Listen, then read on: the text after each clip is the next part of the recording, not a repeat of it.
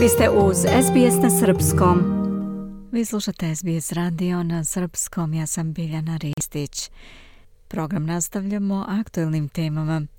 Prema planu koji je opisan kao inovativan u roku od 10 godina, sva deca u Novom Južnom Velsu i Viktoriji pre nego što počnu da pohađaju redovnu školu, moći će besplatno da pristupe predškolskom vaspitanju zasnovanom na učenju kroz igru.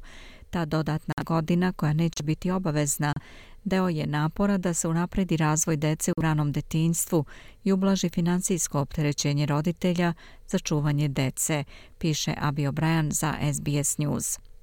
Vlade Viktorije i Novog Južnog Velsa najavljuju plan za uvođenje besplatnog predškolskog učenja kroz igru u godini pre nego što deca pođu u osnovnu školu, kao najveću transformaciju ranog obrazovanja u jednoj generaciji. Reforma je redak primer dvostranačke podrške i podrške lidera dve suprostavljene političke stranke. Premijer Novog Južnog Velsa Dominik Perotej nazvao je to dugoročnom politikom koja će promeniti živote mnogih porodica. Two states working together, leading the nation. Dve države sarađuju, predvodeći naciju u revolucionarnoj reformi našeg obrazovnog sistema. Ovaj desetogodišnji program će nas dovesti do tačke u kojoj imamo univerzalno predškolsko obrazovanje u našoj državi. Premijer Viktorije Daniel Andrews kaže da je cilj plana da svoj deci iz svih sredina omogući pristup ranom učenju, a da pritom to bude od koristi porodicama gde roditelji rade, posebno ženama. This is all about giving every child every chance. Ovde se radi o pružanju svake moguće šanse svakom detetu, najbolji početak za dobar život. Radi se o tome da žene mogu da biraju i da imaju priliku da se ekonomski osnaže, da budu nezavisne i uticajne, kaže on. Viktorija planira da uvede dodatnu školsku godinu od 2025. Ono što je trenutno poznato u državi kao četvorogodišnji kinder postaće pri prep, odnosno pred pripremno. Učenje kroz igru će se nastaviti, ali će deca pohađati nastavu pet dana u nedelji i nastava će biti besplatna. Sličan model bi trebalo da bude predstavljen u Novom Južnom Velsu 2030. U toj državi dodatna godina će biti poznata kao pre-kindergarten, odnosno pred obdanište. Novi Južni Vels će započeti pilot program od sljedeće godine 2023. Država je izdvojila 5,8 milijardi dolara za finansiranje projekta tokom 10 godina, od čega će 50 miliona dolara biti iskorišćeno od sljedećeg meseca, jula, za početak procesa planiranja. Ovo uključuje određivanje lokacija, kao što su, na primjer, postojeće osnovne škole u kojima će se pružati takve usluge. Razvoj infrastrukture je samo jedan od izazova, kako smatraju, u Australijskoj obrazovnoj uniji, koja je plan označila kao izuzetno veliku i značajnu investiciju.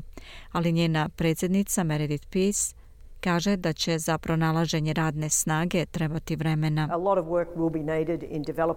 Biće potrebno da se uloži mnogo truda da se obezbedi radna snaga, također da se podrže oni koji već rade u sektoru i naravno kako bi se privukao čitav novi talas nastavnika i obrazovnog kadra koji će želeti da rade u tom sektoru. Za ministarku obrazovanja Novog Južnog Velsa ovo je rezultat višegodišnjeg rada. Sarah Mitchell se zalagala za reformu, pošto je bila u mogućnosti da se upozna sa iskustvima u Kanadi, gde je sličan sistem primenjen i gde se već vide mnoge njegove prednosti. Njihov program je također dobrovoljan, a iskorištenost kapaciteta bila je oko 95%. Uh, Ovo je veoma emotivno za mene. Ovo je nešto u što sam ulagala već duže vreme i jednostavno sam oduševljena što smo sad u ovoj fazi. Znam da će to značiti veliku razliku za našu decu. To je najbolja stvar koju možemo da uradimo kada je u pitanju obrazovanje i rano učenje, kaže ona. Neki roditelji kažu da vide ekonomsku korist. Sjajno mi um, zvuči. Još bebu nismo dali u obdanište, ali nam se čini skupo. A ako bi jednu godinu bilo besplatno, to bi bilo fantastično.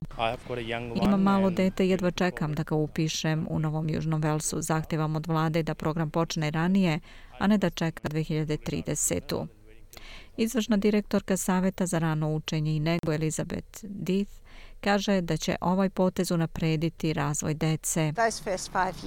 U prvih pet godina razvija se 90% mozga. Znamo da deca koja su za ostatku sa učenjem, kad krenu u redovnu školu, zaostaju za drugom decom. Gospođa Dit opisala je plan kao prelomnu tačku i smatra da bi druge države trebalo da slede primer. Želite da čujete još priča poput ove? Slušajte nas na Apple Podcast, Google Podcast, Spotify ili odakle god slušate podcast.